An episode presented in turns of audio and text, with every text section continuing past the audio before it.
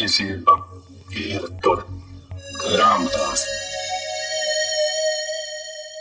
Sveicināti raidierakstā piedzīvot lapuses. Paldies, ka klausies arī šo sarunu. Mēs atgriežamies literatūras noslēpuma lapusēs, un šodien, 13. oktobrī, kas ir piekdiena, mēs parunāsim ar uh, manu sarunbiedreni Kristīnu. Čau, Kristīne! Čau, Aija! Sveiki, cienījamie klausītāji! Cienījamie klausītāji, mēs parunāsim par mistiskām grāmatu lapusēm, par dažādiem interesantiem, neparastiem, mīklainiem notikumiem, kas ir atgadījušies ar autoriem, varbūt lasītājiem, varbūt grāmatnīcu apmeklētājiem. Vai pārdevējiem. Vai pārdevējiem, jā. Tā kā mēs, mēs neizplūdīsim droši vien baigi gari. Tas, šī saruna būs tāda rosinoša, interesanta, un ja jums ienāk prātā kaut kas neparasts grāmatu autoru dzīves, droši rakstiet mums, varbūt, ka mēs izveidosim arī otru sēriju ar jūsu ieteikumiem un, un stāstiem. Un ja jums paliks bail pēc tam uh, mājās vieniem pašiem šo te klausoties, mēs sapratīsim. Jā. Uh, nu, aiziet, Kristīna, stāsti, kas uh, mistisks ir noticis grāmatnīcā, jo bibliotekā man nav īpaši daudz mistisks, ko stāstīt. Ja vien uh, man ir daži vienkārši amizanti, ļoti amizanti atgadījumi, es ātri izstāstīšu. Ļoti bieži atnāk uh, bibliotekas lasītāji, un uh, viņiem liekas, ka bibliotekārs visu zina. Savukārt, nu, nevienmēr tā ir. Un tad ir šie um, kuriozie gadījumi, kad uh, lasītājs prasa, iedodiet man lūdzu to brūno grāmatu, uh, kvadrātēnu no brūno grāmatu, ar, ar kuru es strādāju iepriekšējā reizē. vai arī, mm, sakiet, vai, jūs, uh, vai jums bibliotekā ir žurnāls uh, Playboy? Nē, mums ir tikai žurnāls Dari pats.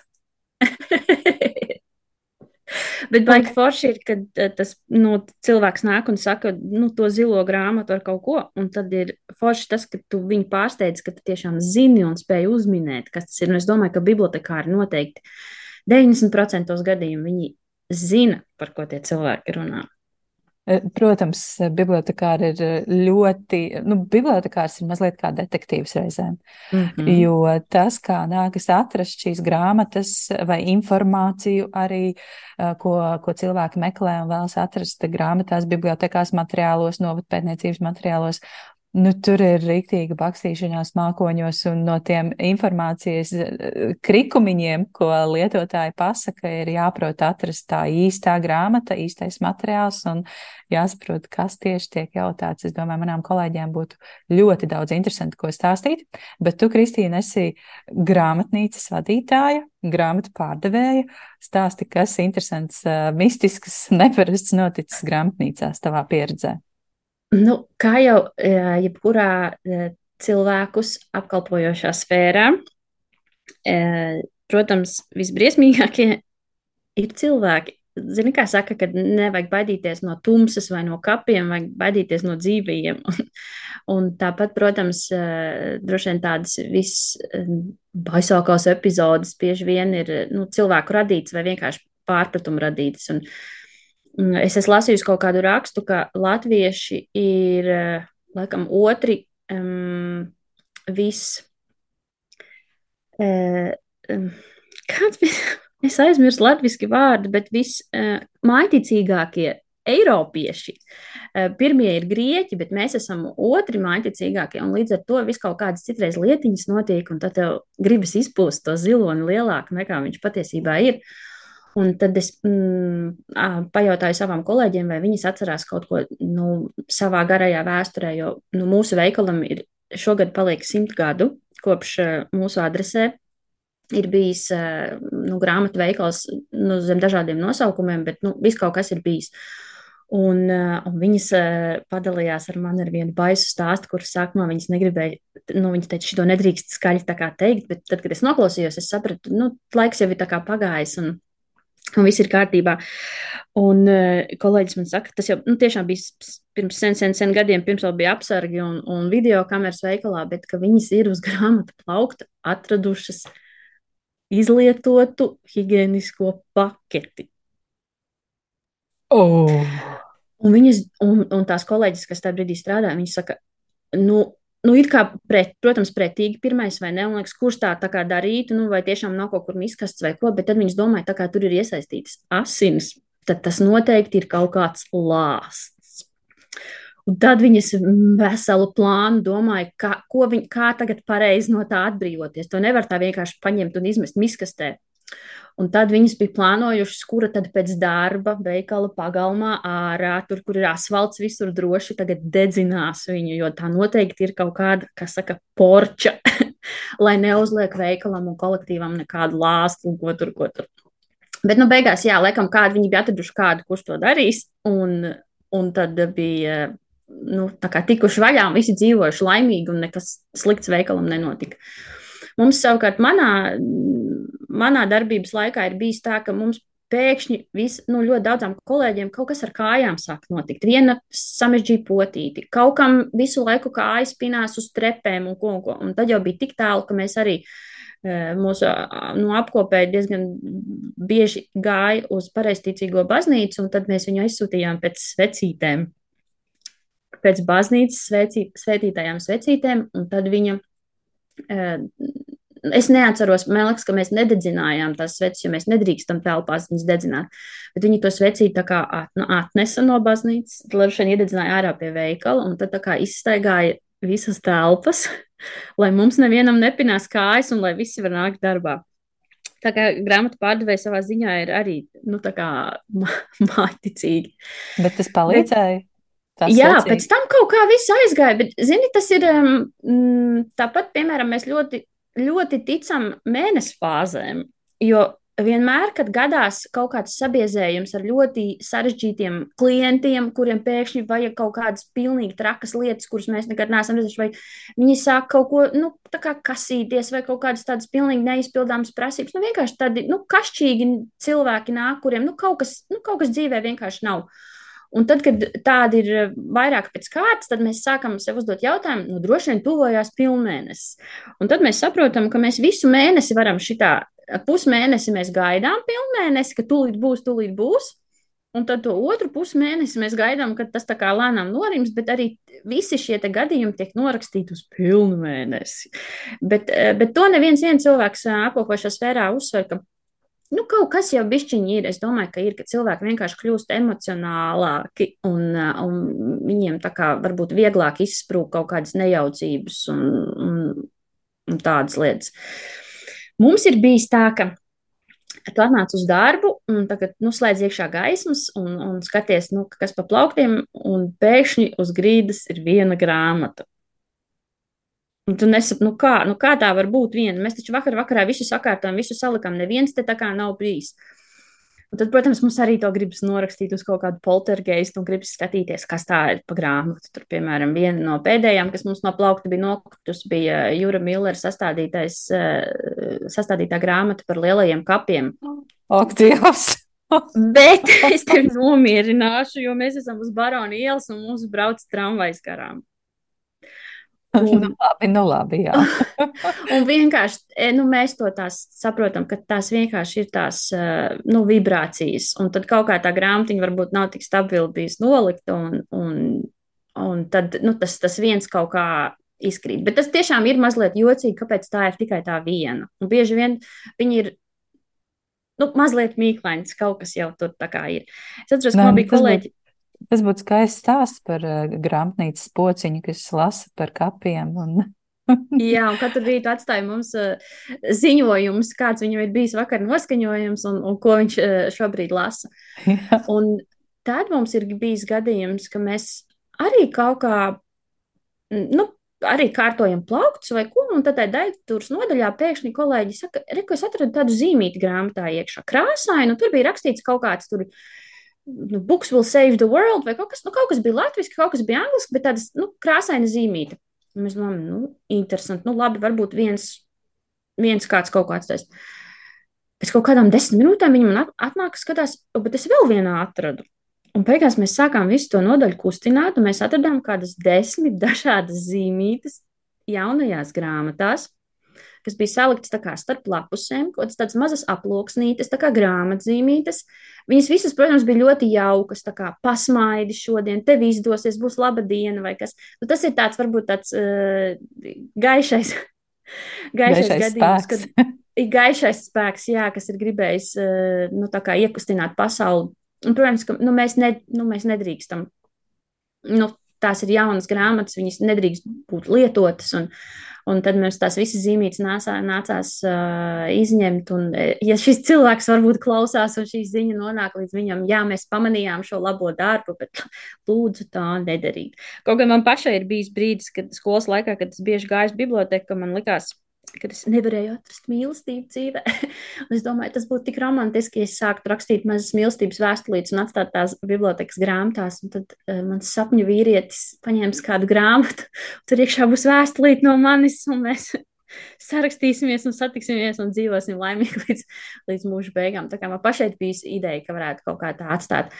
Uh, man liekas, ka ir grāmata, vismaz es zinu, ka ir Netflix seriāls kur uh, jaunieši šādi iepazīstās, ka um, meitene man šķiet tā bija, kas sāka atstāt uh, tādus mazus, mazus vēstījumus uh, lietoto grāmatu veikalā.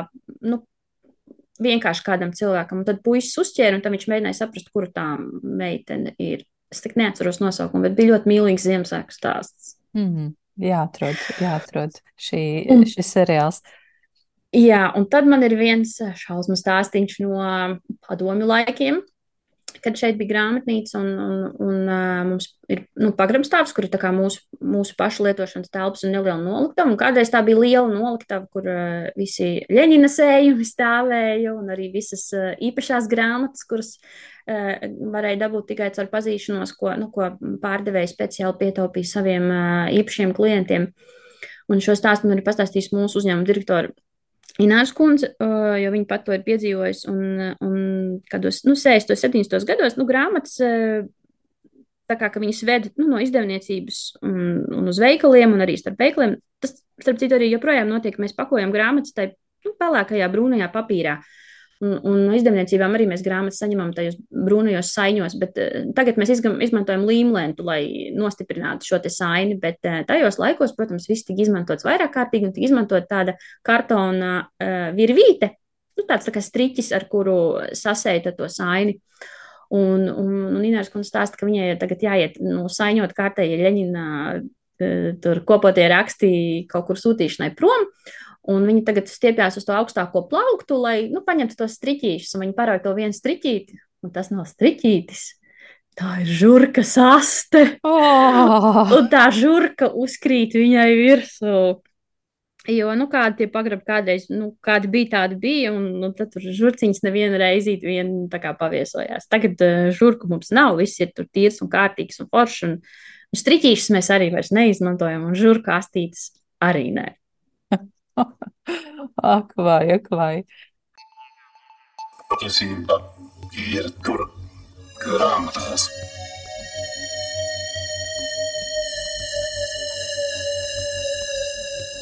Aģents Buksfalders. Es varētu pastāstīt par vienu gadījumu, ko es atradu ārzemju literatūrā. Un mm. par šo gadījumu es dzirdēju jau kādu laiciņu iepriekš, Mm, bet tas bija diezgan pavirši. Tagad es papētīju mazliet dziļāk, kas tur īsti ir noticis ar Dēliju Owens un viņas, eh, kur vēžiem dzied. Šis romāns ir tulkots arī latviešu valodā, ļoti, ļoti populārs. Tu esi Kristīna lasījusi? Es neesmu lasījusi, bet man ir uh, klienti nākusi jautāt grāmatu, nu tā grāmata par varžu kājiņām.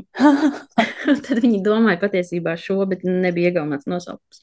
Jā, tā tad Dēlijas Ovenses uh, debija literatūrā romāns, kur vēži cied, ir, ir pasaules slavens, un šo, šo popularitāti ieguva pirmkārt pateicoties Rīzes Viterspūnes eh, šim grāmatu klubam, kas mm. to izvēlējās kā savu mēneša grāmatu, un tad tur tālāk eh, tas aizgāja pa visu pasauli, un eh, šķiet tas bija pagājušais gads, kad notika arī filmas pirmizrāde, kas, mm -hmm. kas tika uzņemta pēc šīs grāmatas. Nu, lūk, un tas, ko es biju dzirdējusi, tad šī, es arī neesmu lasījusi grāmatu, lūdzu atvainojiet, vienmēr visi mani grāmatu draugi, Sandra joprojām šausminās, ka es to neesmu izlasījusi, bet tā tas ir. Uh, ja es pareizi saprotu, tad šajā grāmatā ir stāsts par meiteni, kas dzīvo ļoti ciešā tādā uh, nu, dabas uh, saplūsmē, viņai ļoti svarīga daba, un tad tur ir šī slepkavības līnija, ka tur tiek noslapkavots vīrietis.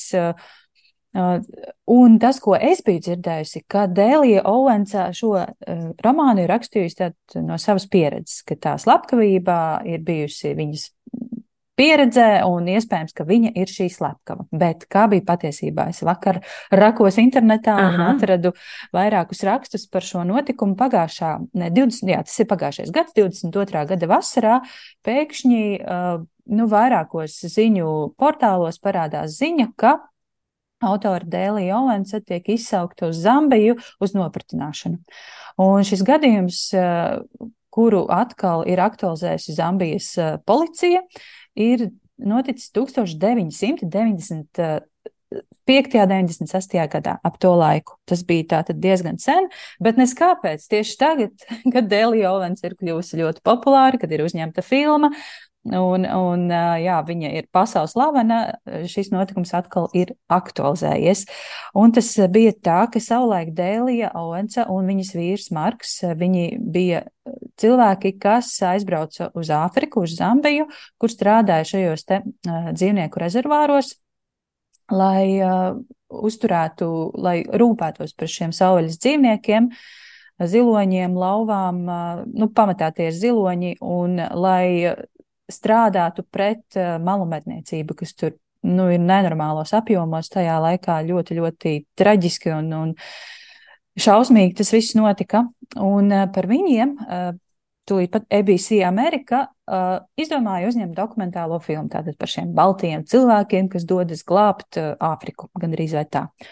Un tad tur bija tāds ļoti dīvains gadījums, kad šī dokumentālās filmas uzņemšanas komanda filmēja šo rezervāru, un viņi nofilmēja, tas, tā, tā, tā, tas fragments nav nekur vairs atrodams, tas nav apskatāms, bet viņi nofilmēja brīdi, kad atskan šāvieni, un viņi filmē cilvēku, kas ir sašauts četras reizes, tas ir malumednieks, un Un vienkārši fonā tur ir tāds teksts, nu jā, malumedniecībā Zambijā ir milzīgos apjomos, un cilvēki, kas to cenšas eh, ierobežot, eh, viņi, viņi tā kā, nu, to diezgan brutāli šo malumedniecību cenšas apkarot, tad vienkārši sašaujot malumedniekus, ja viņi tiek noķerti šajos dzīvnieku rezervāros, rezervātos, rezervātos. Šis man viss. Rezervātos. Jā, jāizlabo visas sarunas laikā. Uh, Uh, nu, lūk. Un uh, Dēlija Ovensa un Marks, uh, kā viņi bija tie filmas galvenie varoņi, viņi tika uh, turēti aizdomās. Šobrīd, uh, kā, kā jā, iespējamais lapkavas, bet šobrīd tā informācija ir tāda, ka Dēlija Ovensa noteikti nav uh, turēta aizdomās par slepkavību, bet viņa drīzāk varētu būt viens no lieciniekiem. Kaut gan Dēlija Ovensa to noliedz. Uh, Viņa saka, ka viņa nav tur vispār bijusi iesaistīta, tajā brīdī nav bijusi klāt. Un vēl interesantāk, un to visu sāsina eh, dokumentālajā filmā uzņemts kadrs, kur šis eh, Dēlijas Ovens vīrs Marks eh, tiem rezervāta darbiniekiem, tie, kas nu, būtībā tādi kā apsargi, kā policisti, viņš viņiem saka, tiem jaunajiem skautiem, ja jūs redzat rezervātā mālu mednieku, jūs uzreiz viņu šaujat nost, jo jūs negribat, lai viņš nošauj jūs. Nu, tie ir diezgan briesmīgi cilvēki, kuriem rokās ir AK-47 šie malumednieki, mm -hmm. un viņi vienkārši brutāli, ļoti agresīvi. Ja jūs viņu redzat, šaujat nost. Šaujiet nost. Un uh, tad, jā, ir te, šis te brīdis, kur atskan šāvieni, un ir šis nogalinātais malumednieks, kura identitāte joprojām nav uh, atrasta. Es saprotu, ka viņš tā kā tiek vienkārši aizvākts eh, un viņu, nu, kā tos malvednieks atstāja dzīvnieku saplosīšanai. Dzīvnieki viņus turpat arī apēda. Nu, vienkārši kaut kāds pilnīgi traks stāsts, mm -hmm. uh, kas uzpelda tieši tad, kad Dēlija Ovence ir sasniegusi to savu pasaules slavu. es lasīju arī tādu niansi, ka mm, cilvēki, uh, kas, uh, jā, tumšādainie cilvēki ir ļoti aizvainoti par to, kā Dēlijas Oventas grāmatā un filmā tiek atainoti šīs rases pārstāvji. Mm -hmm. Es saprotu, ka tur, tur ir kaut kādas problēmas ar to. Un varbūt arī tas ir to visu inicējis, bet katrā ziņā ir pavisam interesanti, interesants šis stāsts. Un, uh, Un redz, kā tā pagātne uzpeld, un mums savukārt kā lasītājiem tas tā ir iespēja uzzināt par autoru pagātni, visādus interesantus faktus, un jā, nu, izrādās Dēlija Ovens un viņas vīrs Marks, kas gan laikam vairs nav viņas vīrs, viņi šķīrās pēc tam vēlāk. Viņi bija diezgan aktīvi dzīvnieku aizstāvi, un tad Zambijā šajos rezervātos strādāja. Un, um, jā. Paldies, ka tu šo izskaidroji, jo redzi, kas notiek, kad cilvēki nelasa pilnus rakstus, bet lasa tikai virsrakstus, jo es biju mazliet kaut ko par šo dzirdējis, un man bija radās iespējas, ka viņa ir, nu, nu tik cik es pavirši biju kaut kur dzirdējusi, ka viņa ir nogalinājusi savu vīru iespējams. Bet es vispār neko, nu, jo tāda ir nu, tā mūsdienu fragmentētā pasauli, ka tu kaut ko Twitterī tikai nu, palasi kaut kādus viedokļus, vai tikai redzi virsrakstus un nemaz neklikšķini tālāk un neiedziļinies un neizlasi tā kā vairākas puses, tad tu arī dzīvo tādās tā kā ilūzijās, un tad varbūt es kaut kur dzirdu kaut ko, salieku kopā divus puzles gabaliņus, tas nekas, ka tie nav no vienas un tās pašas puzles varbūt, un tad es varbūt kultivēju tālāk to, nu, nepareizo viedokli. Un tagad, forši, ka tu nu, izskaidroji, tad es zinu, un tad mēs droši vien lasītājiem arī nu, uh, rekomendējam visās šajās mistiskajās lietās, jo bieži vien kā tās mistiskās lietas parādās. Nu, kāds kaut ko ir pārpratis, neredzējis, nesapratis, padevis tālāk, un cilvēkiem ļoti patīk mīti un labi stāsti un leģendas, un tad bieži vien mēs tā kā paši pievelkam klāt. Pievelkam klāt kaut kādas detaļas un kaut ko piepušķojam, lai tas vienkārši mūsu prātā izklausītos labāk un vairāk pēc stāsta, nekā tas ir patiesībā. Mm. Jā, jā, es patiesībā arī priecājos, ka es šo izpētīju, jo es tieši tāpat izplatīju nepatiesas ziņas. Man kaut kur kaut ko biju dzirdējusi par šo slepkavību, par, par to saistību ar grāmatu, un arī biju izdomājis, ka, ka, ka Dēlija Ovens raksta par savu dzīvi, bet, nu, laikam, tomēr tā īsti nav kā tur īsti bija patiesībā. Jo, kā jau minēja, jā, šis malumednieks, kas tur tajā dokumentālajā filmā, šis, šī epizode tika noķerta, viņš jau tā arī netika neatrasts, neidentificēts. Un turklāt interesanti, jā, toreiz tajā izmeklēšanā. Uh, izmeklētāji centās atrast šī, saprast šī cilvēka identitāti. Viņi apstaigāja vietējos ciematus, apjautājās, vai kāds nav pazudis, bet neviens tā kā nu, neteica, ka kāds no viņu radiniekiem mm būtu pazudis. Jā, nu, malu medniecība, protams, ir nu, nenormāla pro problēma, man liekas, Āfrikā. Un, mm -hmm. un saistībā ar šiem visiem vērtīgajiem ziloņkauliem, nu, traki. Un es domāju, ka tajos laikos tas bija vēl brutālāk un, un šausmīgāk. Jā. Patiesība ir tur grāmatās.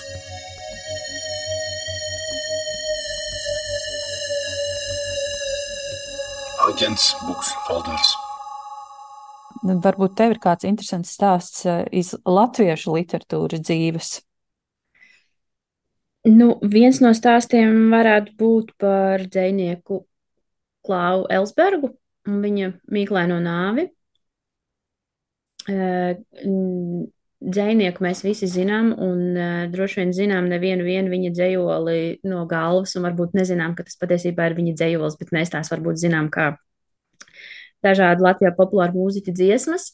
Um, bet uh, dzēnieks nodzīvoja tikai 28 gadus, ļoti īss, bet intensīvs mūžs talantīgam cilvēkam, un, un viņš nomira 1987. gada 5. februārī.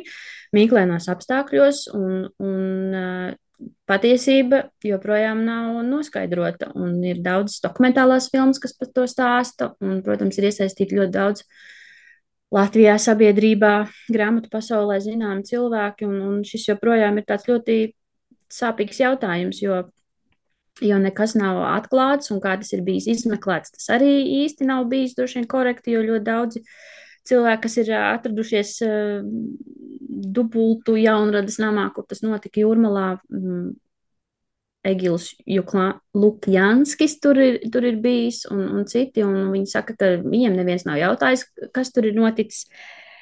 Nu, mēs varbūt ļoti dziļi detaļās nu, neiesim. Jūs droši vien paši varat to nu, internetā tā kā paskatīties, bet nu, tas tāds nu, ļoti traģisks un skumjš notikums uh, Latvijas kultūrā un Latvijas dzīvē, jo Klāvs Elsbergs bija uh, Vilmas, Vismas Belševicas dēls, un, un, un daudzi to saista ar, ar Vismas Belševicas pašu radošo darbību, kura bija ļoti padomju varai pret, pretstāvoša un ļoti tāda vokāla.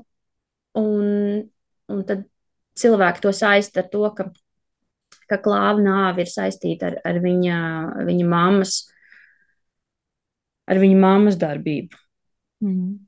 Nu jā, nu mēs, mēs tiešām es cieņas pret uh, tuviniekiem, kas joprojām uh, ir, ir un aktīvi strādā, piemēram, Klāva brālis Jānis Elsbergs. Uh, mēs negribam daudz par to runāt, jo man šķiet, nu, manās sajūtās un manā pieredzē šis ir tāds ļoti, ļoti sāpīgs gadījums, kas joprojām sāp latviešu inteliģencē un latviešu literātiem.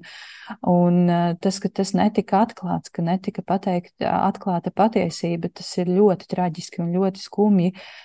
Un es, man sanāca vasarā paviesoties Jāņa Elsbergā dzēs krājuma bez variantiem atklāšanas eh, šajā, gribas teikt, pat koncertā, jo, jo Jānis Elsbergs uzstājās ar tādiem kā dzējas lasījumiem, recitatīviem dziedājumiem, un arī, arī tajā reizē Jānis Elsbergs pieminēja savu brāli un var just, ka tur ir milzīgas sāpes un milzīgs, ļoti milzīgs aizvainojums joprojām, ka šī patiesība nav atklāta.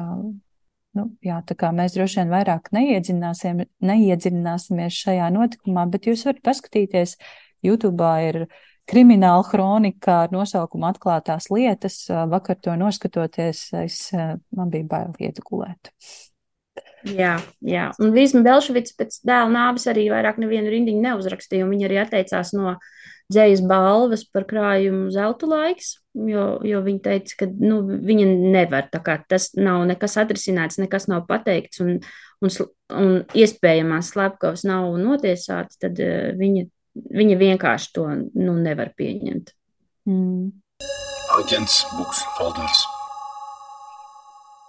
Vai tu esi dzirdējusi par Agatas Kristī uh, mistiskajām 11 dienām? Jā, viņa bija es esmu. pazudusi. Es esmu, jā. Es tagad domāju, vai Latvijas mēdī iznākušais, nu pat jaunais uh, Kristija afēra, tas ir tieši par šo gadījumu? Man šķiet, ka jā. Man tā liekas, ka jā. Uh, tu, tu vari pastāstīt, jo es nu, pat izlasīju Jā. brīnišķīgu rakstu žurnālā Leģendas. Starp citu, žurnāls ah. Leģenda ir, Leģendas ir vislabākais palīgs, ja jūs gribat uzzināt kaut ko interesantu no rakstieku, rakstnieku pasaules un rakstnieku dzīvēm. Viņi ik pa laikam publicē šādus rakstus uh, par autoriem. Es skatos, man ir žurnāls ar Hemingvēju uzvāka, mm. tad tur ir arī Vailds, uh, vairāk nepapē, nepapētīju, bet jā, paskatieties žurnālu, ja gribat uzzināt visu kaut ko interesantu. Bet Pragatu Kristī, ko tu, ko jā. tu zini par šo gadījumu? Nu, ja es pareizi atceros, tas bija kaut kāds 1926. gads, un nu, autors jau bija sasniegusi savu, savus karjeras uh, augstākos punktus un jau bija sabiedrībā zināma un, un labi ieredzēta populāra autora. Bet viņas privātajā dzīvē laikam bija dažādi negludumi un, un bija publiski izskanējis, ka viņas uh, vīram ir afēra ar citu sievieti, un vai nu viņi tā kā taisījās šķirties, vai, vai vēl nē, bet nu tūliņ, tūliņ, un, un viņa laikam bija arī tuvu, tuvu tuvu radinieci, laikam māma bija nomirusi, un, nu, tā kā varētu šķist, ka viņas dzīvē bija, nu, kaut kāds tāds personīgajā dzīvē lūzuma punkts parādījies, un pēkšņi parādījās ziņa, ka, nu, ka viņa ir pazudusi no savām mājām. Es nu, tagad neatceros, vai kā tur tas viss izskatījās, vai viss izskatījās tā, ka, nu, ka viņi tiešām ir, nu, pēkšņi tā kā nu, pazudusi, un visa valsts ir pilnīgi, pilnīgā šokā, tur desmit, desmit dienas un nesapratnē, un kas ir noticis, un, un, un, un protams, viņas viņas rakstīto darbu stilā, visi meklē visādus pavadienus, un, un kad, nu, kur kas varētu būt noticis, vai tas ir iestudēts, vai tas nav, vai tiešām viņu kā autoru būs piemeklējis nelāgais gals, kas ir daudziem viņas romānu varoņiem. Un, un pēkšņi viņas ģimene saņem zvanu pēc tam 10, 11 dienām, ka, ka nu, sieviete, kas ļoti izskatās pēc pašas autors, bet uh, uzdodas ar citu vārdu. Te kaut kādā lauku viesnīciņā sēž un lasa avīzes. Un, un vīrs tā kā atbrauc un ierauga, un tā kā redz, ka tā ir viņa, bet viņai ir pilnīga amnēzija. Viņa vispār neatcerās neko, ne vīru, neko. Mm -hmm. Un tā arī neviens to nav. Um, nu, tas arī ir miglātīts. Neviens nezina, kā bija patiesībā, vai viņa pati to bija izplānojusi, vai tas ir tāds um, publicitātes. Uh, publicitātes dēļ taisīts, lai, lai tā kā cilvēki vairāk par to runātu. Varbūt viņai tiešām bija kaut kāds nervu, nu, nervu sabrukums un, un, un tāda psiholoģiska rakstura krīze iestājusies, un kas, nu, jā, kas patiesībā ir noticis. Kā tu domā? Man nav ne jausmas. Interesantais fakts ir tas, ka pati Agata Kristīna savā autobiogrāfijā šo gadījumu vispār nepiemina. Jā. Tas ir pilnīgi tā kā viņai no viņas dzīves un viņas pieredzes izsvītrot šīs 11 dienas. Un, jā, tas, kas bija interesanti, ka viņa šajā, viņu atrada Dienvidāfrikā, viņu atrada Dienvidāfrikas viesnīcā. Viņa tajā viesnīcā bija reģistrējusies ar Terēzes Nīlas vārdu. Un Nencija, Nī, Nencija Nīla savukārt bija viņas vīra jaunā mīļākā. Mm -hmm, mm -hmm. Un tur ir visādi tādi daudzas versijas, jā, ko tad Agata Kristīna un kāpēc, kāpēc, un te gāžas grāmatu torņi, kas, kas un kāpēc īsti bija noticis. Un kā raksta žurnāls leģendas, šis mistiskais brīdis, kad Agata Kristīna vakarā atvedās no mājkalpotājas, no skūpsta savu uh, septiņgadīgo meitu pirms gulētiešanas, atstāja viņu auklītes gādībā un aizbrauca nezināmā, nezināmā virzienā ar personisko automašīnu. Nākamajā dienā policija atrada pamesto auto dažas jūdzes tālāk. Tas bija daļēji nobraucis no ceļa un iestrēdzis krūmos. Tātad viena versija, ka viņa bija iebraukusi uh, krūmos, atcitusi mm -hmm. galvu, un viņai ir amnēzija, un viņa nesaprot, kas notiek. Gaismas lukturu vēl aizvien de dega, uz sēdekļa atradās kažoks un soma ar personiskajām mantām, taču automobīlī neviena nebija. Tad otra versija, ka viņa jā, izmantoja gadījumu, lai varbūt interesantā veidā atrieptos vīram. Varbūt kaut kas aizgāja uz īso šī nervu saspringzinājuma dēļ, jo laikā, kad bruka viņas laulība, nomira arī viņas mamma, un viņai bija diezgan tumšs eh, laiks eh, rakstnieces dzīvē. Mm, varianti ir dažādi. Es domāju, ka mēs to nekad neuzzināsim, bet uh, varētu arī interesi izlasīt šo Latvijas mēdīju, nu pat, nu pat iznākušo romānu. Mm -hmm. uh, kā, kāda versija ir izvēlēsies autore šam, šim mm -hmm. romānam? Agents Books Folders. Vai tev ir bail no slēgtām telpām? Uh, tu domā klaustrofobiju? Nu, jā, vai, vai, vai tev ir bail tapt kaut kur ieslodzītai? Ah, nu, zin kā, man agrāk bija bail braukt ar liftiem tieši tā, tā, tā vēdera, vēdera sajūtas dēļ, ka es tā kā mm -hmm. paceļos gaisā. Bet es nesen veicu magnētisko rezonanci un diezgan labi tur atslābu, gan arī aizmigu. Vai tu vari iedomāties vienu vietu, kur tev būtu patīkami tapt ieslodzītai? Grāmatnīcā. Tieši tā, jo šāds gadījums notika kādam uh, amerikāņu turistam. Nu, pirms kaut kur desmit gadiem Londonā, Waterstones uh, grāmatu veikalā. Kaut kur pusdienas deviņu vakarā viens vīrietis sāk Twitterī un Instagramā rakstīt, ka esmu ieslodzīts grāmatnīcā. Un viņš raksta uh, grāmatnīcas tam Twitter, Twitter kontam un saka, nu, viss jau baigi forši, bet lūdzu izlaidiet mani. Un cilvēki sāk šo te pamanīt, un ļoti daudz ir atbildes, un visi tur rakstās, un visi saka, oh, bet tas jau ir baigi forši. Tā kā, nu, aizej uztais sev kafiju, paņem mīļāko grāmatu, apsēdies mīkstajos krēslos un sēdi visu nakti, viss vis baigi forši. Nu, vienkārši viņš bija ienācis veikalā kaut kur 15 minūtes pirms slēgšanas, un, un, un tā kā, nu, Waterstones grāmatnīcas mēdz būt ļoti lielas, un, un tāda laikam bija šī te, kas bija Trafalgāras laukumā. Un, un viņš tā kā sāk pamanīt, nu, kad gaismas sāk slēgt laukā, bet neviens pie viņa nav pienācis neko. Tad viņš pēkšņi saprot, ka viņš ir ieslēgts grāmatīcā. Un, un tad, nu, tad jau cilvēki, nu, viņš, es nezinu, kā vai viņš īstenībā jocīgi, kāpēc viņš pats nevarēja piezvanīt policijai, ja viņš varēja ierakstīt kādam Twitterī. Jā, papēta. Es domāju, ka šādos, no... es domāju, ka šādos uh, gadījumos reizēm mums atslēdzas loģiskā domāšana, un jautrāk ir par to pasūdzēties Twitterī nekā loģiskas darbības. Nu, droši vien. Nu jā, bet tad citi cilvēki, laikam, viņa, viņa vārdā bija zvanījuši policijai, un tad viņi bija sazinājušies ar grāmatnīcas darbiniekiem, un, un bija viņi tā kā izlaiduši, un pēc tam arī Twitterī visiem pastāstījuši, ka viņš atkal ir brīvs cilvēks, un, un viņi paši, protams, ir tā kā bišķiņi šausmās par to. Ka kā mm. viņi tā ir kādu palaiduši.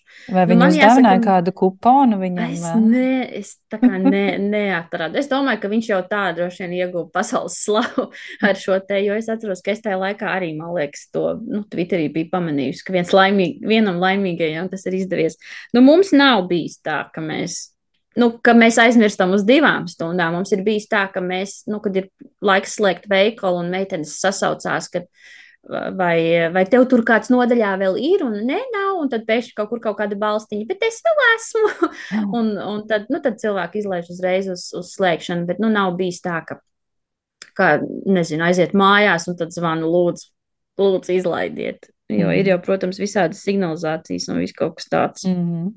Jā, man reiz ieslēdza skolotāja istabā, tad, kad es biju vēl skolotāja, un man tajā reizē nebija līdzi mobilā telefona.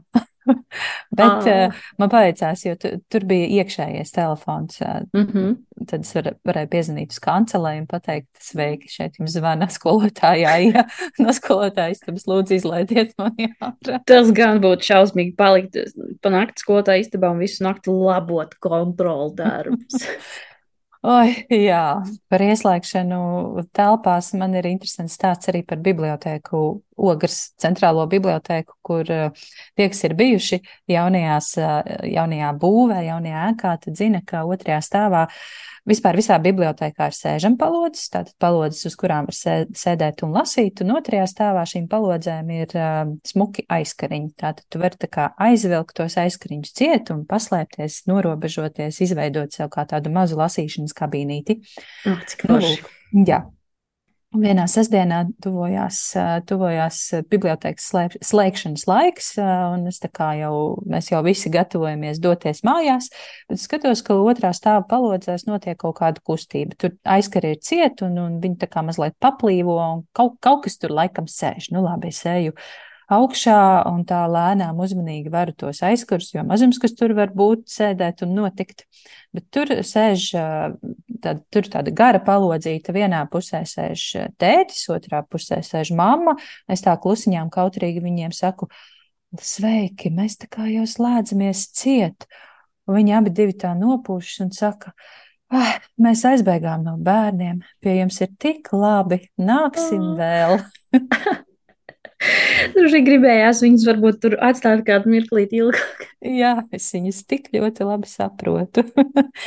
Jā, tā kā brauciet ciemos uz Ogres centrālo bibliotēku, pasēdēt uz pavocēm. Aģents, buks, folders. Nu tā, vai tev ir vēl kaut kas interesants? Jo man ir uh, pusstāsts par Elēnu Ferranti. nu, stāsti par Elēnu Ferranti, jo es, es esmu dzirdējusi tikai nu, to stāstu tikai tik, tik tālu, līdz vienam punktam, tā kā es arī nezinu, kā tas tālāk. Vai Zin, mēs var... zinām, kā izskatās Helēna Ferrante?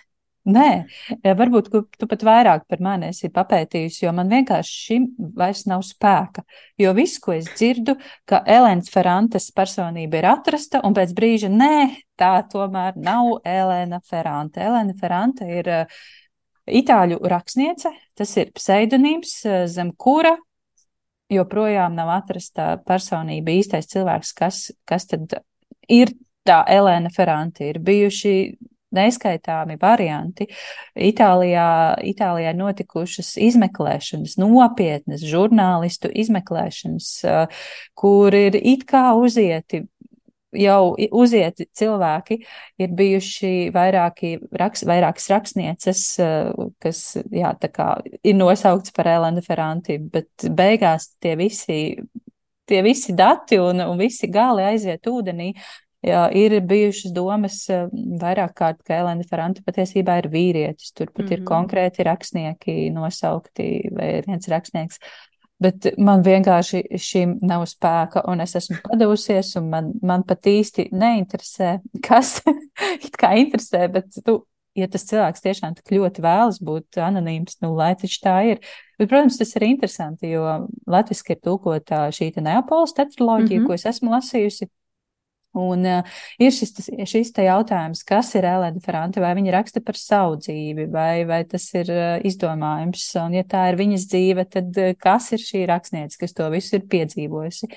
Un latviski ir arī uh, romāns par uh, Pieaugušo melīgā dzīve. Pieaugušo melīgā dzīve, jā, to gan es neesmu izlasījusi, kaut gan man, man interesētu salīdzināt uh, mm -hmm. Neapoles stāstus. Uh, ļoti iespaidīgo Itālijas vēsturi, vairāku desmitgažu uh, garumā, un, protams, šos personiskos pārdzīvojumus. Uh, man bija tāda, tāda interesanta atklāsme. Es nezinu, kāpēc biju iedomājusies, ka Itālija ir tāda saulaina, bezrūpīga zeme, bet, uh, protams, tad, kad sāk lasīt to, tos 20. gadsimta vēsturi, mm -hmm. nekur nekas nav bijis saulains, arī saulainajā Itālijā.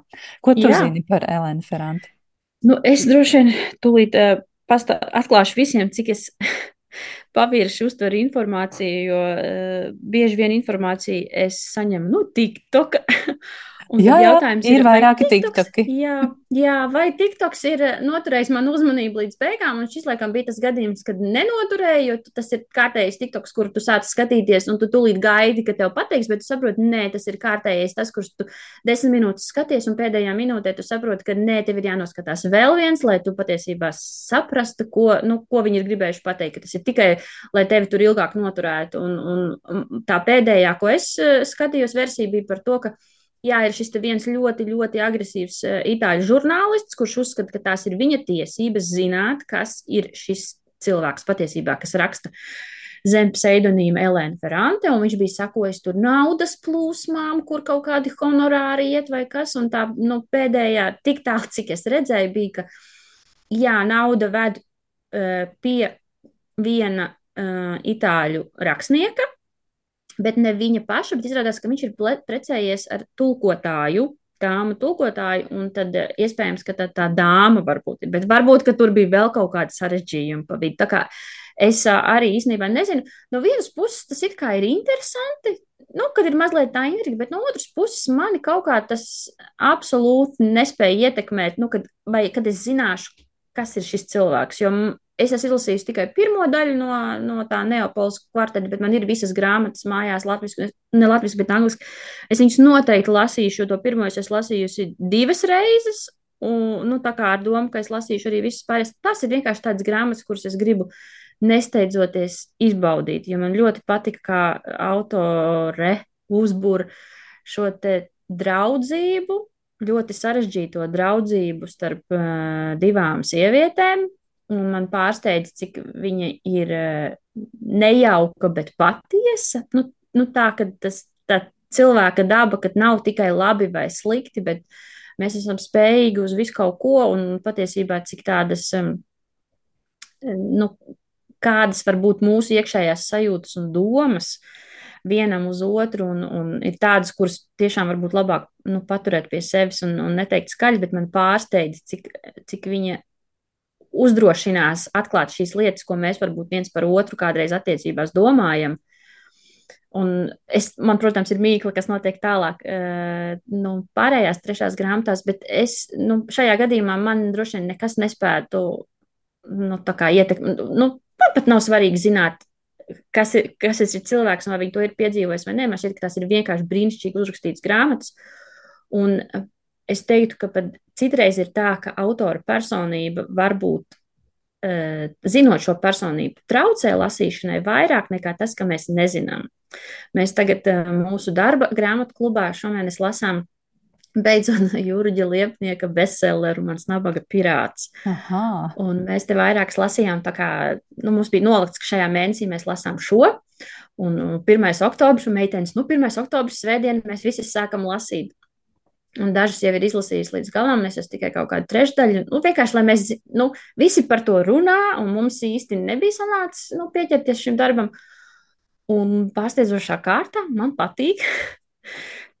Tik tālu, cik es esmu izlasījis, un arī kolēģiem tā kā patīk, bet, protams, ka tāpēc, ka autora personība ir tik ļoti sabiedrībā zināma un pretrunīga, es zinu cilvēkus, kuri atsakās lasīt šo grāmatu, jo viņiem vienkārši nepatīk Jurģis Liepnieks kā personība, nepatīk mm. viņa uzskati vai viņa morāls trūkums vai, nu, jebkas, ko, nu, ko par viņu saka. Un, un, un lasot šo grāmatu, es nevaru izslēgt viņu kā autoru nu, tais viņa radītos tēlos, visu, kā, nu, kāds viņš ir, kā viņš runāja intervijās un tā tālāk. Nu, es nevaru to atdalīt. Un ir, ir gadījumi, kad tas tā kā palīdz, un ir gadījumi, kad tas traucē. Jo, jo es tā kā grāmatklubā strīdējos un mēģināju cilvēkiem teikt, ka, kad, ja jūs nezinātu, ka viņi ir uzrakstījis šis cilvēks, jums varbūt pat viņa patiktu. Bet no otras puses, nu, ja tev, nu, ja tev nepatīk, nu, tev nepatīk, tev ir tiesības arī nepatikt, nu, ka tev nepatīk cilvēki, varbūt, vai, vai konkrēti darbi. Nu, kā tev šķiet par autoru personību? Cik ļoti tas ietekmē? Mm, tas, tas ir interesants jautājums, un man arī bija tādas īpatnējas attiecības ar Jurģi Liepnieku romānu, jo ir ir grūti nodalīt, protams, viņa personību. Kaut gan vienā brīdī man sanāca atslēgties no tā visa, un es to tiešām uztvēru kā literatūru, kā daļu literatūru, kurā, protams, var just autora zināšanas diezgan plašās, apjomīgās viņa domāšanas lauku, un, un, bet nu, tā ir tāda meistarība, jā, to visu salikt kopā. Bet tieši par, par to autoru personību, personības atklāšanu, un vēl, ja, ja, ja mēs atgriežamies pie Lēnas Frances, es domāju, ka tas ir lokāli ļoti svarīgi, nu, tieši mm. tiem literātiem un vietējiem lasītājiem, itāļiem, inteliģentiem, intelektuāļiem, tāpat kā Tagad es neatceros, un es nezinu, kāpēc es atceros tikai tagad, bet es neesmu papētījusi, kas tas bija īsti par gadījumu. Bet arī Latvijā bija viens amizants gadījums, kad autors rakstīja ar pseidonīmu. Un uh, rakstīja, rakstīja, rakstīja, un visi atklāja, kas viņš īsti ir. Tikai tad, kad viņš atnāca uz preses namu parakstīties, nu, tur tajā grāmatiņā par mm. honorāru sa saņemšanu, visiem bija tāds liels, liels pārsteigums. Tas esi tu! Viss tur bija minējumi, minējumi. Man šo īstenībā pavisam nesen kaut kas stāstīja, un es neatceros, kas. Es neatceros, par kuru autoru tas bija. Man liekas, ka tas bija par joprojām dzīvu autoru. Cik Jā, sen tas varēja būt? Nu, tas bija vēl tad, kad bija aktuāls preses nams un naudas mm -hmm. saņemšana parakstoties. Tā kā nu, 90. varbūt 80. beigas. Mm -hmm. Lūk, tā, ja mūsu gudrie klausītāji kaut ko vairāk zina par šo gadījumu, tad, tad uzrakstiet man vai Kristīnai, jā, lai mēs esam informētāks. Jūs vienkārši pavirši kaut ko. Man pēkšņi atnāca tāda informācijas drumstelā, bet tas bija arī tāds īpatnējs gadījums, jo visi bija uz ausīm. Kas tas ir? Kurš ir, kurš ir šis autors? Kurš tā raksta un gribas taču zināt?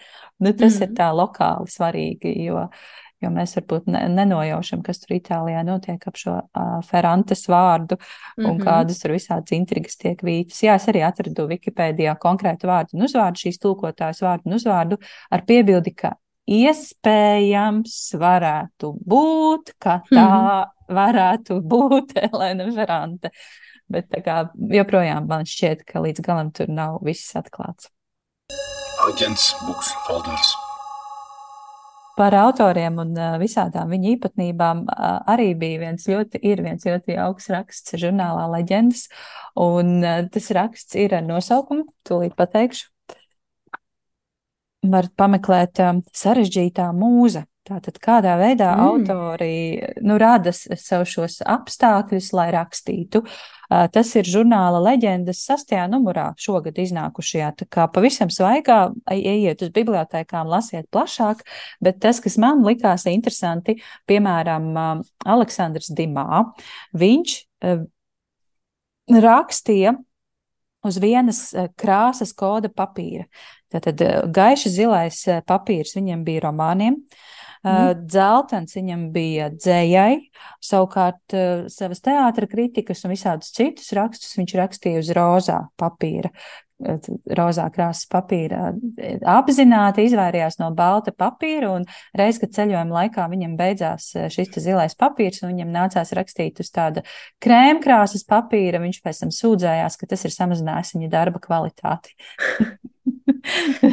es esmu dzirdējis, ka Dāņu krim, krimināla karalis Jusija Adlers Olsens, ka viņš raksta uz datora ekrāna uz zila. Nu, tā kā tas vecais dators kādreiz, bija zilais ekrāns, un tad baltie burti, kā parasti rāda filmās par kaut kādiem hakeriem. Ka viņš raksta uz šī zilā fona ar baltiem burtiem, jo tas viņam arī kā kaut kā palīdz vairāk koncentrēties uz to, nu, ko viņš uh, raksta. Bet par Dimāju savukārt es dzirdēju, ka viņš lielu daļu savu romānu nemaz nav rakstījis, ka viņam bija mācekļu armija, troļu mm. armija, kas, kas tā kā rakst, nu, jā, kas gribēja būt viņam tā kā pietuvināti, un, un tad viņi rakstīja, nu, viņa vietā, tā kā viņa stilā rakstīja visus tos piedzīvojumu romānus. Mm. Jā, pilnīgi noteikti tā varētu būt. Nu jā, tad mēs droši vien varam pieskarties mazliet tādai nu, kategorijai, kā spoku autori, vai ne? Jo ļoti daudz slavenību biogrāfijas un grāmatas nu, rakstījuši nemaz nav tie cilvēki, kura vārds ir uz vāka, un tad tur ir, tur ir ķērušies pie darba tie saucamie spoku autori, jeb angliski ghostwriter. Un, Tur arī ir ļoti uh, nu, dažādi viedokļi par to, ka, kāpēc jā un kāpēc nē, un, un vai mums ir tiesības zināt, vai cilvēks pats to ir rakstījis vai nav rakstījis. Mm, tas ir ļoti interesanti. Interesants jautājums eh, par šiem spoku autoriem, kur vispār tam uh, sāka augt kājas, kā tas viss sākās. Kurš to izdomāja, ka tagad uh, es pats nerakstīšu romānu, manā vietā uzrakstīs tur kāds gudrāks un labāks cilvēks, bet es smuki gozēšos visos pasākumos un uz vāka, un, un tas nabadzīņš spociņš nemaz uh, varbūt netiek izpausts bieži vien. Šis varbūt, šī ir atsevišķa sarunas epizode. Jā. Jā, kas mums jāveido un jāpēta dziļāk, bet jā, spoku mēnesī par spoku autoriem. Vai tev ir kaut kas jo, vēl, varbūt papildināms? Nu, jo interesanti arī, nu, kāda ir motivācija tam pašam spoku autoram nu, tā kā tu uzraksti nauda, kaut ko ļoti labu, nu, nauda, jā, bet uh, kas ir nauda? Slāva taču, slāva. nu, nu, jā, bet varbūt nu, ne, visi grib, eh, ne visi grib slāvu, bet viņš varbūt viens, nu, tas pats autors zina, ka viņš ir uzrakstījis Prinču Harī grāmatu, un, uh, un, un viņam ar to pietiek. Bet, nu, droši vien ir, teikt, ir piedāvājums, ir pieprasījums. Mm -hmm. Jā.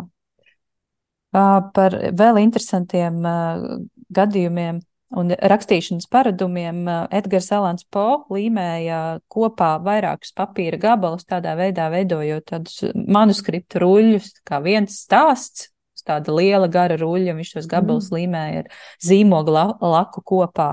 Bet nu šo metodi tādā nākamajā līmenī pacēla Džeks Keroks, viņa romāns Ceļā, kas ir jau tāda klasika. Uh, kā tas tapa. Viņš 1951. Eh, gadā ielika rakstā mašīnā teleteipa papīru, tad, tad milzīgu garu papīra rulli, un trīs nedēļas dienu un nakti rakstīja šo savu romānu, tad uz tā visa veselā garā, garā milzīgā ruļļa.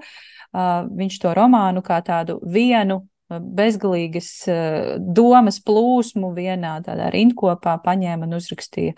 Protams, viņam nāca talkā visādas stimulējošas vielas, mm -hmm. amfetamīns, piemēram. Un vēlāk eh, loģiski tas, tas romāna manuskripts tika pārstrādāts, lai tas ir cilvēkam kaut cik normālam cilvēkam kaut cik lasāms, bet jā, tā tapa šis romāns. Un tad ir interesanti stāsti par vārdu kvotām.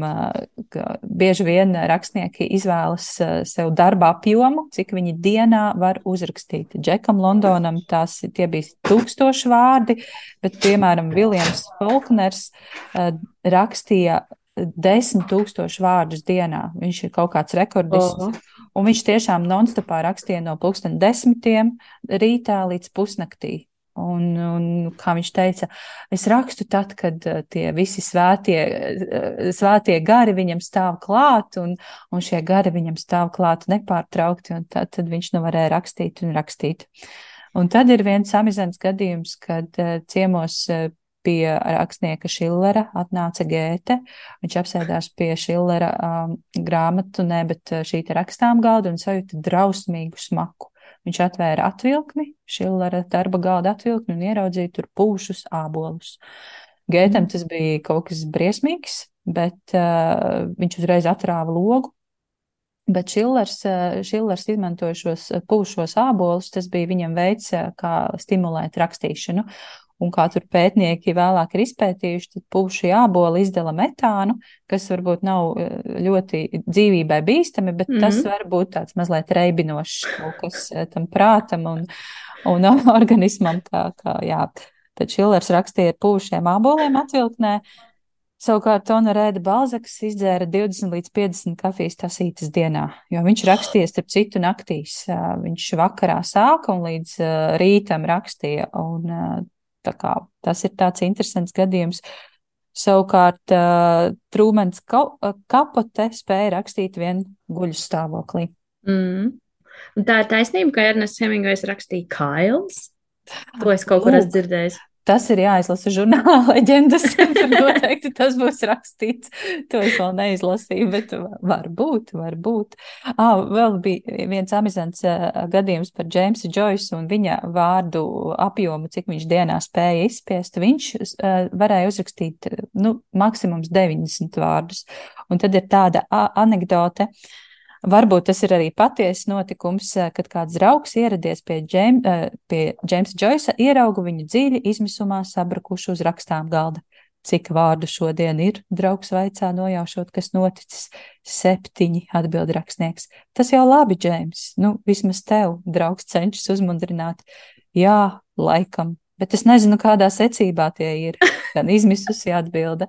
Un tie, kas lasījuši Ulisa, Džeimsa Džoisa Ulisu, Oh, es es īstenībā abrīnoju, kā viņš to ir radījis, jo šajā pašā rakstā ir uh, arī informācija par to, ka patiesībā autoram bija ļoti liels problēmas ar redzi.